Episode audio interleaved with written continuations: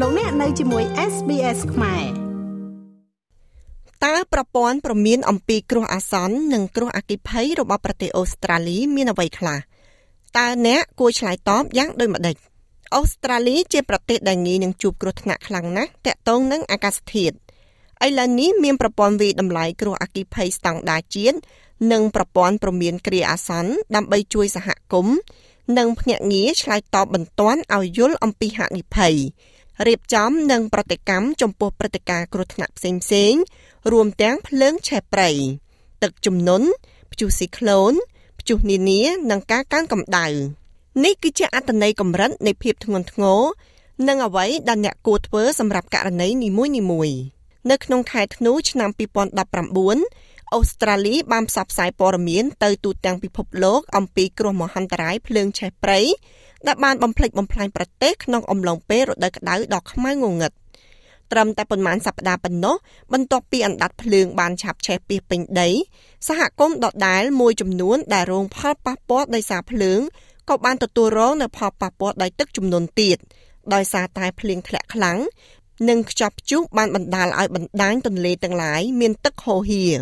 លោក Robert គឺជានាយកប្រតិបត្តិនៃក្រុមប្រឹក្សាជាតិសម្រាប់សេវាអគ្គិភ័យនិងសង្គ្រោះបន្ទាន់នៅប្រទេសអូស្ត្រាលីនិងនូវែលសេឡង់លោកនិយាយថាសេវាជំនួយសង្គ្រោះបន្ទាន់របស់រដ្ឋនិងដែនដីជាង30នៅក្នុងប្រទេសបានធ្វើការរួមគ្នាដើម្បីស្វែងរកវិធីសាស្ត្រសម្របសម្រួលមួយដើម្បីឲ្យមានទំនាក់ទំនងល្អបំផុត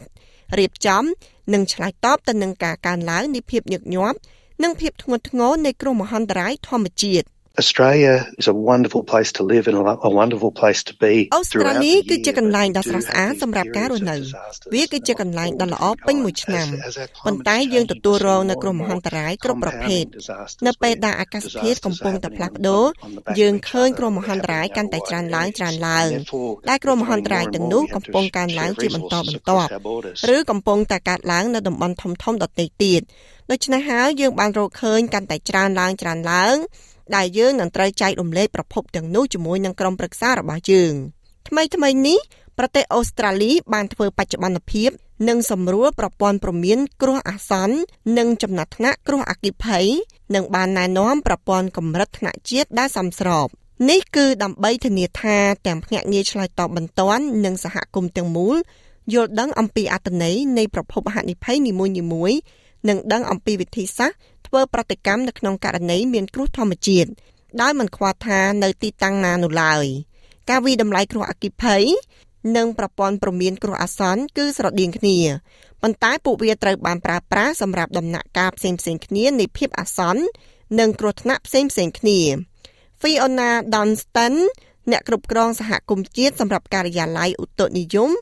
BOM បញ្យល់ពីភាពខុសគ្នា The fire danger rating system is specifically ប្រព័ន្ធវិតម្លៃគ្រោះអគ្គិភ័យគឺប្រើប្រាស់ជាពិសេសសម្រាប់ការត្រៀមថាតើមានភ្លើងឆេះដូចជាថាតើធ្ងន់ធ្ងរប៉ុណ្ណាឬបារម្ភអំពីលក្ខខណ្ឌអាកាសធាតុប៉ុណ្ណា និងបរិស្ថានដែលអាចប្រែប្រួលដូច្នេះប្រសិនបើយើងនិយាយថាថ្ងៃស្អែកនឹងមានអាកាសធាតុក្តៅនិងមានខ្យល់ខ្លាំងហើយមិនមានភ្លៀងធ្លាក់មួយរយៈពេលកន្លងមកហើយស្មៅនិងបន្លែគ្រប់ដើមក៏ស្ងួតដែរ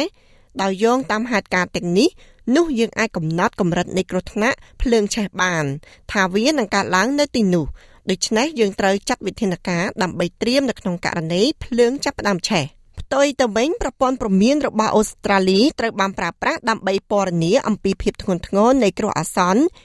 ឬអបតវហេតុដែលបានកើតរួចហើយវាត្រូវបានប្រើប្រាស់សម្រាប់គ្រោះធម្មជាតិជាច្រើនប្រភេទមិនមែនសម្រាប់តែភ្លើងទេ Fiona Dunstan និយាយម្ដងទៀតថា The Australian warning system is designed ប្រព័ន្ធព្រមានរបស់អូស្ត្រាលីត្រូវបានរចនាឡើងដើម្បីរួមបញ្ចូលការព្រមានអំពីគ្រោះថ្នាក់ជាច្រើនប្រភេទដូចនេះទឹកជំនន់ភ្លើងឆេះព្យុះស៊ីក្លូនការកើនកម្ដៅដូច្នេះវាគឺប្រព័ន្ធប្រភេទផ្សេងផ្សេងគ្នាទាំងនោះហើយបន្ទាប់មកមានប្រព័ន្ធកម្រិតមួយនៅទីនោះដែលផ្ដល់កម្រិតនៃការព្រមានអាស្រ័យលើការគម្រាមកំហែងដល់ជីវិតមនុស្សឬផ្ទះ ឬអាជីវកម្មរបស់ពួកគេដូច្នេះប្រើប្រាស់មួយសម្រាប់មុនពេលព្រឹត្តិការណ៍កើតឡើង និងប្រើប្រាស់មួយទៀតនៅក្នុងអំឡុងពេលនៃព្រឹត្តិការណ៍កើតឡើងប្រព័ន្ធព្រមានរបស់អូស្ត្រាលីទូទាំងប្រទេសត្រូវបានគេណែនាំនៅក្នុងខែធ្នូឆ្នាំ2020ហើយត្រូវបានបែងចែកជា3ប្រភេទដែលមានកូដពណ៌ប្រព័ន្ធវិតម្លៃគ្រោះថ្នាក់អគ្គិភ័យដែលបានកែប្រែថ្មីត្រូវបានដាក់ឲ្យដំណើរការនៅខែកញ្ញាឆ្នាំ2022 ហើយមាន4ប្រភេទដែលមានកូដពណ៌ស្រដៀងគ្នានាយកប្រតិបត្តិ AFAC លោក Rob Webb ពន្យល់ថា It's replacing a system that was វាកំពុងជំនួសប្រព័ន្ធដែលមានអាយុកាលជិត50ឆ្នាំហើយប្រព័ន្ធថ្មីនេះក៏មានប្រព័ន្ធសាមជាងមុនសម្រាប់សហគមន៍របស់យើងនៅក្នុងការយល់ដឹងអំពីវាដែរយើងក៏បានធ្វើការជាមួយនឹងសហគមន៍ដើម្បីរចនាប្រព័ន្ធថ្មីសាមញ្ញជាងមុននិងកម្រិត4ជាមួយនឹងភាពសាមញ្ញពិតប្រាកដនៃភាសាដែលអនុញ្ញាតឲ្យអ្នកប្រើប្រាស់រៀបចំសកម្មភាពនៅពេលដែលពួកគេត្រូវការប្រើប្រាស់ Elizabeth Go គឺជាអ្នកស្ម័គ្រចិត្តដ៏យូរម្នាក់របស់សេវាពន្លត់អគ្គិភ័យនៅតំបន់ជនបទរបស់រដ្ឋ New South Wales នាងនិយាយថាការយល់ដឹងអំពីការជូនដំណឹងទាំងនេះគឺសំខាន់ណាស់ One of the things that we always see is that people who រឿងមួយដែលយើងតែងតែសង្កេតឃើញថាអ្នកប្រើប្រាស់មិនចាក់ចែងមិនយល់ឬចាក់ចែងយឺតពេល យើងក៏ត្រូវធ្វើការជាមួយនឹងពួកគេជាញឹកញាប់ដែរនៅក្នុងអំឡុងពេលមានភ្លើងឆេះខ្លាំងហើយអ្វីដែលយើងកំពុងធ្វើវាពិតជាកាត់បន្ថយនៅធនធានពីការពន្លត់អគ្គិភ័យ ពីព្រោះយើងយកចិត្តទុកដាក់ជាមួយនឹងប្រជាជនជ្រោមជ្រែងប្រជាជន ដែលព្យាយាមចេញពីស្ថានភាពគ្រោះថ្នាក់ទាំងនោះប្រព័ន្ធវិតម្លៃគ្រោះអគ្គិភ័យថ្មីរួមបញ្ចូលគ្នានៅវិទ្យាសាស្ត្រនិងតន្ន័យចុងក្រោយបង្អស់ដែលប្រមូលផ្ដុំដោយភ្នាក់ងារឆ្លើយតបបន្ទាន់ផ្សេងផ្សេងគ្នា និងការិយាល័យឧតុនិយម លោក Webb និយាយថាប្រព័ន្ធថ្មីនេះពិចារណាលើប្រភេទអាកាសធាតុនិងបន្លាយចម្រុះដែលមាននៅក្នុងផ្នែកផ្សេងផ្សេងនៃប្រទេស Previously we only used two different types of ពី fuel មុនយើងប្រើតែពីរប្រភេទផ្សេងគ្នាយើងមានឥន្ធនៈព្រៃឈើហើយយើងមានឥន្ធនៈស្មៅឥឡូវនេះយើងកំពុងប្រើប្រភេទផ្សេងគ្នាចំនួន8ដែលទទួលស្គាល់នៅប្រភេទបន្លាយដ៏ធំសម្បើមដែលយើងមាននៅជុំវិញប្រទេសអូស្ត្រាលីវាអនុញ្ញាតឲ្យយើងផ្ដល់ព័ត៌មានត្រឹមត្រូវជាងមុននិងនៅលើមាត្រដ្ឋានល្អជាងមុនដែលយើងមិនធ្លាប់មានពីមុនមកប្រភេទទី1នៃប្រព័ន្ធវិតម្លៃគ្រោះអគ្គិភ័យគឺមធ្យមហើយវាមានពណ៌បៃតងវាមានន័យថាវាជាពេលវេលាដើម្បីរៀបចំផែនការនិងត្រៀមខ្លួន ប្រភេទបន្ទាប់គឺខ្ពស់ដែលជាពណ៌លឿងដែលមានន័យថាត្រៀមខ្លួនដើម្បីធ្វើសកម្មភាពលោក Webb និយាយថានៅក្នុងអំឡុងពេលធ្វើការផ្ដល់ចំណាត់ថ្នាក់ពណ៌បៃតងនិងពណ៌លឿងសហគមន៍ត្រូវបានលើកទឹកចិត្តឲ្យស្វែងរកព័ត៌មានអំពីលក្ខខណ្ឌអាកាសធាតុ និងបន្តភ្ជាប់ទៅសេវាកម្មសង្គ្រោះបន្ទាន់ក្នុងតំបន់របស់ពួកគេសម្រាប់ការធ្វើបច្ចុប្បន្នភាព In Australia we always have to be នៅ mindful ប្រទេស of អូ the ស្ត្រាលី issue យើងតែងតែគិតគូរអំពីលក្ខខណ្ឌជុំវិញខ្លួនយើងវាគឺជារឿងដែលកើតឡើងជាប្រចាំក្នុងការទទួលសញ្ញាភ្លើងនៅថ្ងៃខ្លះនៅពេលដែលយើងនិយាយថាត្រៀមខ្លួនដើម្បីធ្វើសកម្មភាពយើងកំពុងស្នើសុំសហគមន៍របស់យើងឲ្យដឹងខ្លួន ពួកគេអាចពិនិត្យមើលអាកាសធាតុបន្តិចទៀតឬពិនិត្យមើលគេហទំព័ររបស់អាជ្ញាធរបន្ថែមទៀតហើយត្រូវប្រកាសថាពួកគេយល់ពីអ្វីដែលពួកគេអាចនឹងធ្វើនៅថ្ងៃនោះប្រភេទខ្ពស់បំផុតពីនៅលើការវិតម្លៃគឺខ្លាំងដែលជាពណ៌ទឹកក្រូចនិងមហន្តរាយដែលជាពណ៌ក្រហមលោក Webb បញ្យល់ពីកម្រិតខ្លាំងមានន័យថាអ្នកត្រូវតែធ្វើសកម្មភាពភ្លាមៗដើម្បីការពារជីវិត និងទ្រព្យសម្បត្តិរបស់អ្នកប្រភេទគ្រោះមហន្តរាយ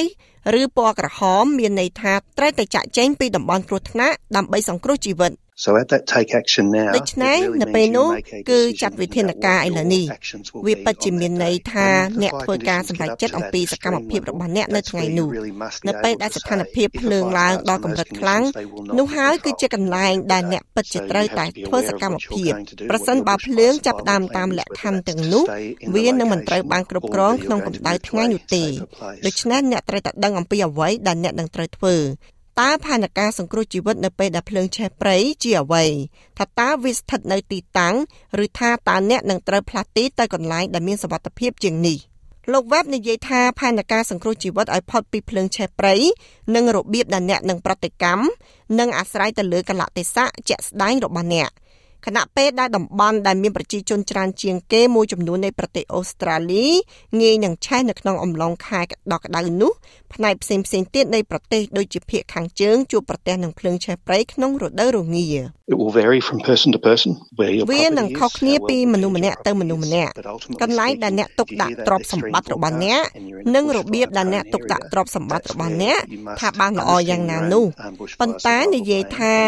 ប្រសិនបើអ្នកឮការព្យាករណ៍ថាខ្លាំងហើយនោះហើយអ្នកកំពុងតែស្ថិតនៅក្នុងតំបន់ដែលមានភ្លើងឆេះព្រៃនោះហើយគឺជាកន្លែងដែលអ្នកត្រូវតែយល់ដឹងអំពីផែនការសង្គ្រោះជីវិតដោយសារភ្លើងឆេះព្រៃហើយបន្ទាប់មកត្រូវតែធ្វើការចាក់ចែងឲ្យឆាប់អ្នកអាចជ្រើសរើសអង្គុយជាមួយនឹងក្រុមគ្រួសាររបស់អ្នកហើយពិភាក្សាឲ្យបានច្បាស់អំពីអ្វីដែលអ្នកអាចធ្វើបាននៅថ្ងៃនោះនៅពេលដែលភ្លើងឆេះព្រៃឬក៏គ្រោះថ្នាក់ផ្សេងផ្សេងទៀតកំពុងតែកើតឡើងប្រព័ន្ធព្រមានរបស់អូស្ត្រាលីកម្រិត3នឹងចាប់ផ្ដើម កម្រិតទី1គឺដំបូងដែលមានពណ៌លឿងហើយវាមានន័យថាគ្រោះថ្នាក់បានចាប់ផ្ដើមហើយប៉ុន្តែมันមានគ្រោះថ្នាក់ភ្លាមៗនោះទេកម្រិតទី2គឺពណ៌ទឹកក្រូចហើយត្រូវបានគេហៅថាពិនិត្យមើលហើយធ្វើសកម្មភាពនេះមានន័យថាលក្ខខណ្ឌកំពុងផ្លាស់ប្ដូរហើយអ្នកគួរតែចាត់វិធានការដើម្បីការពារខ្លួនអ្នកកម្រិតទី3គឺការព្រមានជាបន្ទាន់ ពណ៌ក្រហមដែលមានន័យថាអ្នកស្ថិតនៅក្នុងគ្រោះថ្នាក់ហើយសកម្មភាពពន្យាពេលធ្វើឲ្យជីវិតរបស់អ្នកស្ថិតនៅក្នុងហានិភ័យលោក Dunstan និយាយថារបៀបដែលអ្នកគួរប្រតិកម្មចំពោះការព្រមាននីមួយៗក៏អាស្រ័យទៅលើប្រភេទនៃការសង្គ្រោះបន្ទាន់ផងដែរនៅក្នុងករណីមានគ្រោះទឹកជំនន់ឬអគ្គិភ័យអ្នកប្រហែលជាត្រូវជំនះចេញពីតំបន់នោះទោះបីជាយ៉ាងណាក៏ដោយប្រសិនបើគ្រោះថ្នាក់គឺការកើនកម្ដៅខ្លាំង ឬព្យុះភ្លៀងអ្នកប្រហែលជាត្រូវស្វែងរកទីជម្រកការយល់ដឹងអំពីរបៀបដែលអ្នកនិងគ្រួសាររបស់អ្នកនឹងឆ្លើយតបជាមុនគឺជាកន្លឹះសំខាន់ Having a plan and talking about it with their ធ្វើ household ផែនការនិងនិយាយអំពីរឿងនេះជាមួយនឹងគ្រួសាររបស់ពួកគេ